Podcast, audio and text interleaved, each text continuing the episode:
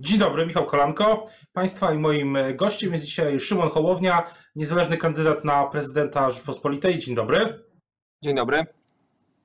Dzisiaj 1 kwietnia, ale dobrych nastrojów w polityce i nie tylko jak na lekarstwo. Jak pan odczytuje, o co chodzi w tej propozycji Prawa i Sprawiedliwości, żeby prowadzić powszechne głosowanie korespondencyjne?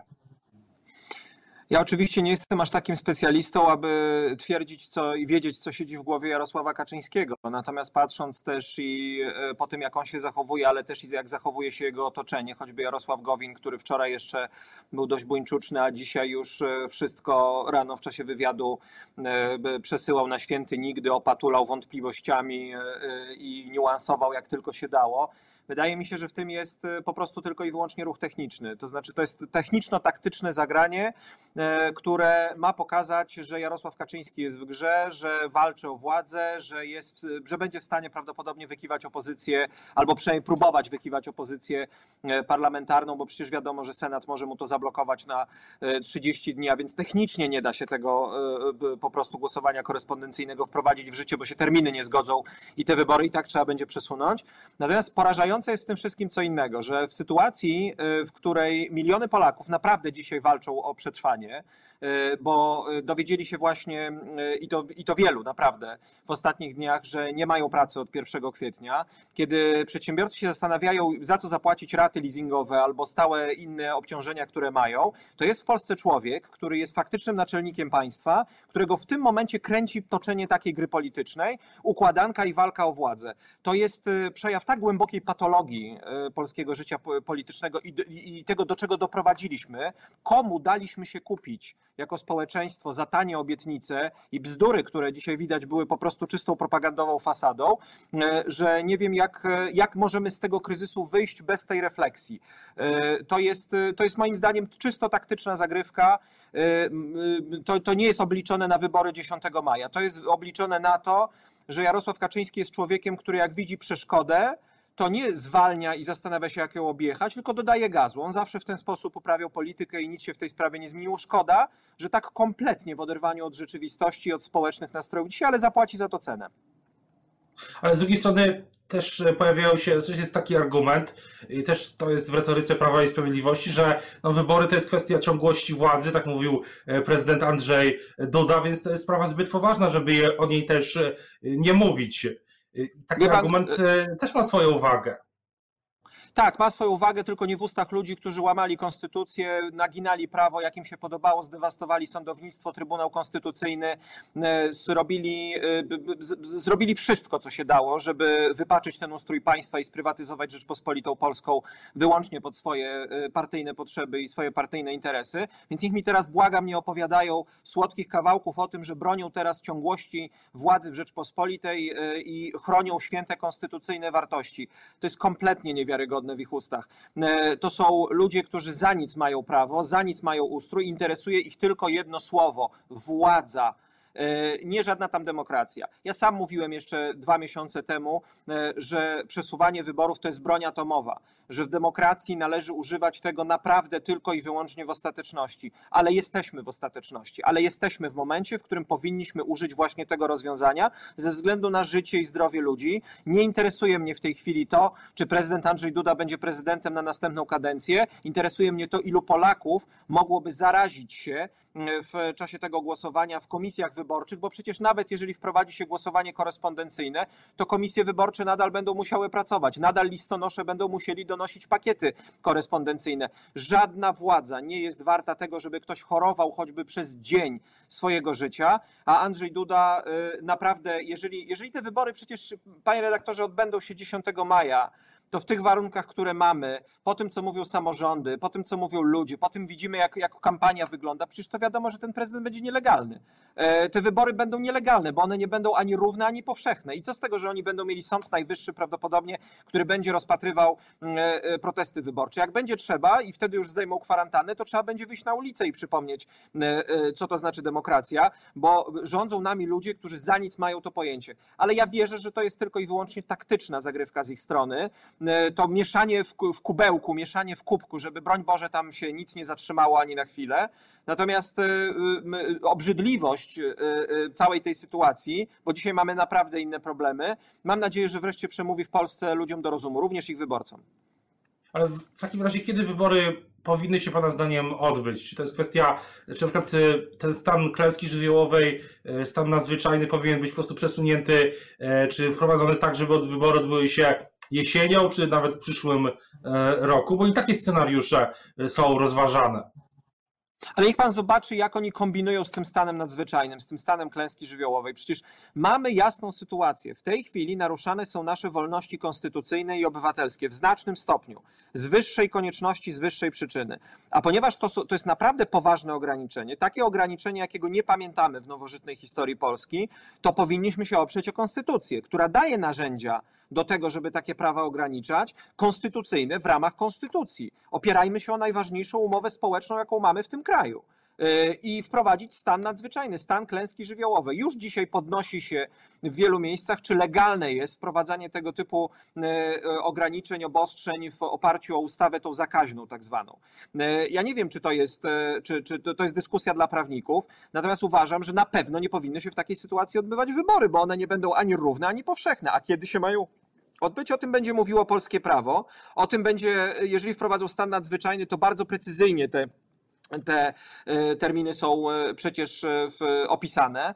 Natomiast dla mnie to nie ma w tej chwili większego znaczenia. Czy odbędą się na jesieni, czy odbędą się za cztery miesiące, jeżeli teraz będą wprowadzali stan klęski żywiołowej, czy odbędą się na wiosnę, to muszą być wybory, które będą się odbywały w Polsce, która naprawdę może je przeprowadzić. A dzisiaj Polska zastanawia się nad tym i większość Polaków, jak przeżyć ten kryzys, który niewątpliwie nadciąga. I też zawsze to, już powtarzałem to wielokrotnie, Andrzejowi Dudzie, E, i innym politykom tego obozu, nie zachowujcie się jak tchórze, którzy próbują pod płaszczykiem epidemii i zagrożenia przeciągnąć teraz swoją władzę na następną kadencję.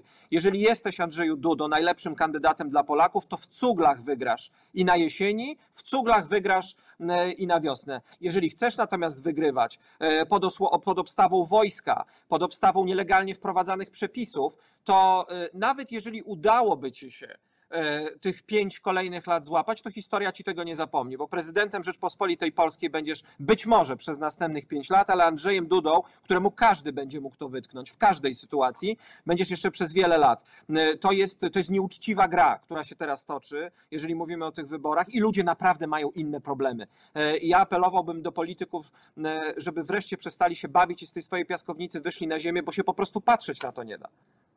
Ale kończąc ten wątek, ale niezależnie od tego, czy wybory będą jesienią, czy w przyszłym roku, y, pan y, planuje w nich uczestniczyć. To nawet jeśli trzeba będzie zbierać tak. podpisy jeszcze raz.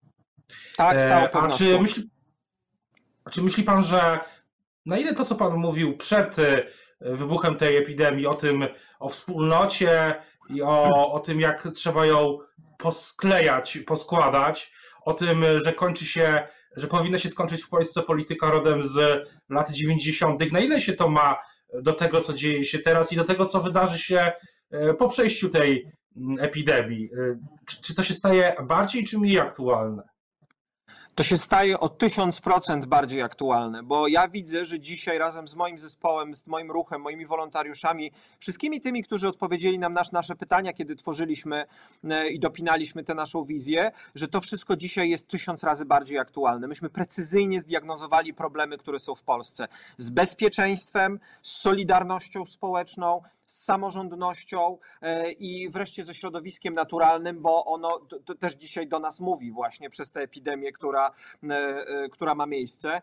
To jest w ogóle, wie pan, ja, ja naprawdę widzę, jak to państwo, którym żyję od tylu lat, i które komentowałem jego posunięcia władzy jako publicysta, jako komentator, jako dziennikarz, jako działacz społeczny, ale dzisiaj widzę naocznie, jak to państwo przetestowane przez kryzys rozłazi się w szwach. Gdzie nie popatrzysz, to się rozłazi. To jest tak z każdym materiałem. Jeżeli się testuje jego wytrzymałość, to on się rozłazi w najsłabszych miejscach. My mamy dzisiaj państwo, które opowiadało jeszcze kilka miesięcy temu te bzdury propagandowe, że oto mamy zrównoważony budżet, stać nas na wszystko, Francuzi nam zazdroszczą jedzenia nożem i widelcem, narody klękają, Niemcy pytają, jak to jest możliwe, że taki cud gospodarczy, a dzisiaj nie stać to państwo na maseczki dla lekarzy i na środki indywidualnej ochrony dla nich. Rozmawiamy o państwie, w którym jeszcze dwa miesiące temu politycy, co słusznie wytknął pana kolega Jacek Nizinkiewicz, opowiada, śmiali się z epidemii, mówili, żeby zagrać sobie w Chińczyka albo włożyć lód do majtek. Przecież i takie określenia padały. Albo, że ta epidemia nauczy Polaków się ubezpieczać i będzie szansą dla polskiej gospodarki. A dzisiaj widzimy, gdzie jesteśmy. Jesteśmy w sytuacji, w której tarcza antykryzysowa, pakiet antykryzysowy jest dziurawa jak sito i oferuje ludziom to, że będą mogli sobie wziąć 5 tysięcy pożyczki, jeżeli spełnią 50 różnych kryteriów, które tam zostały zaszytych, albo dostaną raz na mm, e, e, nie wiadomo ile 2000 złotych, bo na to polskie państwo stać i nie stać je na więcej, na taką właśnie pomoc. E, kiedy patrzysz na to, jak działają wracam... dzisiaj je testy, no wie pan, ale to się rozłazi wszędzie, jak działają, jak się układają relacje władzy z samorządami. Ja mógłbym tę wyliczankę kontynuować bez końca. Natomiast to pokazuje, jak bardzo złe jest to państwo w sensie zarządzania tym państwem, a ile solidarności, ile, jak fajne jest to społeczeństwo. I wreszcie trzeba przez, zacząć budować państwo na społeczeństwie, a nie na tej chorej klasie politycznej. To o to tutaj chodzi. Ale wracając do tego, co pan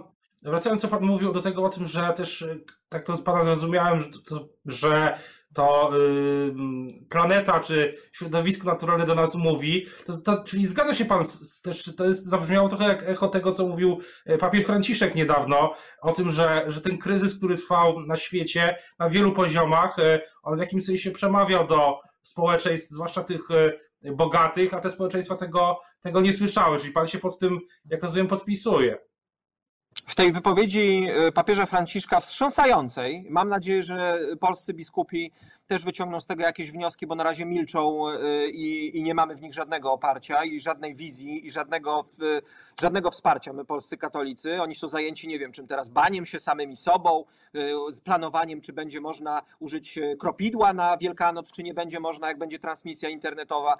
To mam wrażenie, często dzisiaj przede wszystkim zajmuje. Natomiast to, to tam padło jedno zdanie w tej, w tym, w tym wypowiedzi papieża Franciszka. Wydawało nam się, że możemy być zdrowi w chorym świecie. E, I to jest bardzo głęboka diagnoza stanu, w którym się znaleźliśmy, e, bo to, bo to mówi dokładnie o świecie, w którym się znajdujemy i w którym jesteśmy zglobalizowani.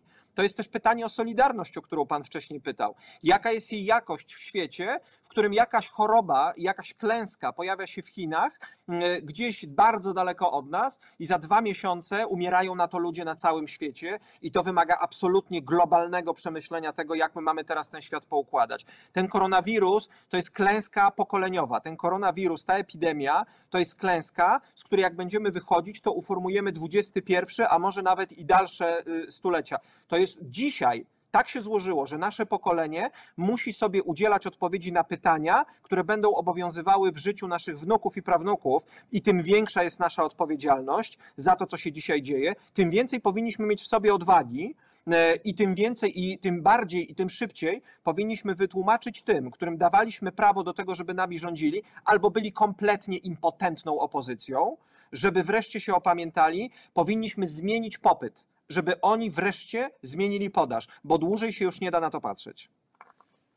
Wracając jeszcze do tej wspólnoty, ale myśli pan, że to jest tak, że teraz w Polsce ta wspólnota staje się, staje się silniejsza, czy wręcz przeciwnie? To rozwarstwienie, o którym e, tak wiele też pan e, mówił, ale mówili też, e, mówiło wiele osób, to rozwarstwienie, czy ono się nie robi silniejsze, bo to jest tak, że z jednej strony wszyscy mówią, o tak, teraz prace, zawody takie, których wcześniej e, klasa średnia czy klasa wyższa nie traktowała specjalnie poważnie, jak zawody e, właśnie pracujące osoby pracujące w sklepach itd. Tak są silniejsze. To klasa średnia no, pozamykała się w swoich, e, w swoich domach i nie musi codziennie być na tej pierwszej linii frontu, jak pani sprzedająca w sklepie, czy pan, który sprząta ulicę. Więc pytanie, czy ta wspólnota będzie silniejsza, robi się silniejsza, czy to rozwarstwienie przez tą epidemię wręcz stanie się jeszcze, jeszcze większe, bo tak jak mówiłem, no, klasa średnia pracujący zdalnie, pracują zdalnie, a ci, którzy tego nie mogą robić, tak jak nie mogli też marzyć o czasami na przykład o stabilnym formie zatrudnienia i tak dalej, no dalej na niej są. Wie pan, tu się nic nie stanie automatycznie. To nie jest tak, że przyszła epidemia, y, wymiecie nam złych polityków, a dobrych ludzi y, scali w jedno. Natomiast, y, bo, bo, bo, bo to zależy od nas i od naszych decyzji, jakie będziemy podejmować i od wysiłku, bo ta epidemia daje nam szansę na zobaczenie rzeczy w nowym świetle i na zbudowanie tej solidarności, ale możemy z niej nie skorzystać i wtedy stanie się to, o czym Pan mówi, czyli drastyczne pogłębienie różnic społecznych, bo społeczeństwo w Polsce w tej chwili będzie biednieć. Nie ma, nie ma innej możliwości. Pieniędzy będzie mniej, bo będzie mniej pracy, będzie mniej zakupów, będzie więcej bezrobotnych. To będzie zupełnie inny model społeczny, z którym wyjdziemy z tego kryzysu i też pojawią się takie agresywne zachowania w całej tej sytuacji, bo jeżeli czegoś brakuje, czegoś jest mało, to ludzie zaczynają o to walczyć. E, wie pan, e, już dzisiaj widzimy, jakie będą psychiczne skutki tej epidemii, e, bo wczoraj się tym zajmowałem, bo miałem wiele takich głosów. Dzieci, które dzisiaj są w edukacji domowej, przepraszam bardzo, muszę odrzucić tutaj połączenie. Dzieci, które dzisiaj są w edukacji domowej, to są dzieci, które oczywiście mają albo nie mają komputerów, ale one od kilku tygodni są w nienaturalnych warunkach. One być może nie będą potrzebowały lekarza zakaźnego, ale za chwilę mogą potrzebować po jeszcze kilku tygodniach kwarantanny psychologa albo psychiatry. Rośnie y, wskaźnik przemocy domowej y, w, w, w tym, co się teraz dzieje. My będziemy, my naprawdę możemy się zmienić w y, jakieś agresywno-kompulsywne społeczeństwo i tym większa jest dzisiaj odpowiedzialność polityków, tym większa jest dzisiaj odpowiedzialność tych, którzy chcą brać odpowiedzialność E, za, za, za Polskę, żeby budowali na trwałym i rzetelnym materiale, żeby nie oszukiwali na jakości materiałów budowlanych, a oni to robili przez lata. I właśnie dlatego dzisiaj my możemy wykorzystać te szanse i powinniśmy to zrobić, ale oczywiście nikt nam niczego nie da za darmo, bo to nie będzie łatwy czas. To nie będzie również łatwy czas w tym aspekcie, o którym Pan mówi, i tym ważniejsze wydaje mi się ta moja opowieść o Solidarności i zwrócenie na to uwagi, bo to nie jest żadne pięknoduchostwo. To jest naprawdę opowieść o naszym być albo nie być w najbliższych latach. Chciałbym zapytać, jak wyglądają Pana teraz plany, jeśli chodzi o, tę o tą zawieszoną y, kampanię prezydencką? Czy, czy, czego Pan się spodziewa przez najbliższe tygodnie i być może miesiące, jeśli e, w końcu dojdzie do przesunięcia tych wyborów na, na inną datę? E, myślę, że to będzie dość e, przewidywalna gra. To znaczy, oczywiście Jarosław Kaczyński będzie dalej mieszał w tym swoim garnuszku, bo on nic innego nie potrafi zrobić. Jest tak oderwany od rzeczywistości e, i od tego, czym, czym dzisiaj żyją ludzie, że nadal będzie toczył tę swoją grę o władzę, podczas kiedy ludzie toczą grę o życie. Więc myślę, że to jeszcze potrwa ten taniec do muchy jeszcze jakieś 2-3 tygodnie.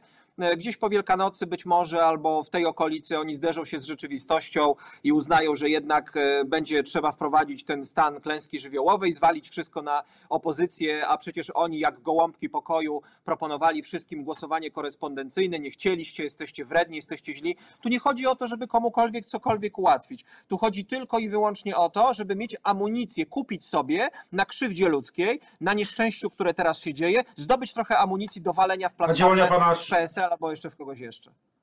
A działania pana sztabu, pana tego, tego, tego ruchu e, wokół Szymona Hołowni, jak będą wyglądać?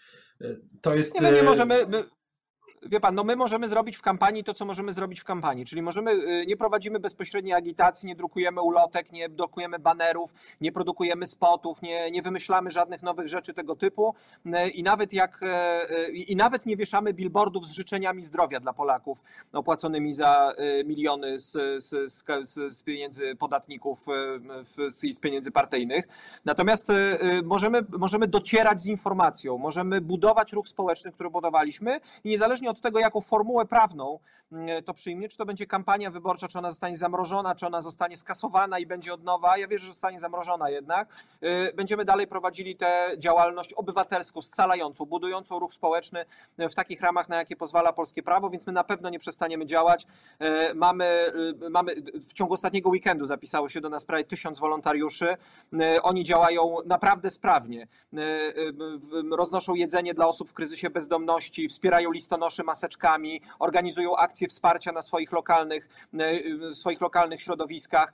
To są naprawdę fantastyczni ludzie i my na nich zbudujemy tę nową Polskę, na wszystkich, którzy będą chcieli się do tej nowej nadziei dołączyć. O tym, co będzie dalej w tej e, przedziwnej, tej, w, tej, w, tej, w tym czasie, tej zawieszonej w praktyce kampanii wyborczej, o tym, co będzie dalej w polityce, będziemy jeszcze wielokrotnie o tym rozmawiać. Teraz bardzo już e, dziękuję za rozmowę Państwa i moim dziękuję gościem bardzo. dzisiaj był Szymon Hołownia, niezależny kandydat na prezydenta RP. Dziękuję bardzo, życzę miłego dnia i dużo zdrowia wszystkim naszym słuchaczom. Dziękuję bardzo, panu również, pań, państwu również. Wszystkiego dobrego, dziękuję.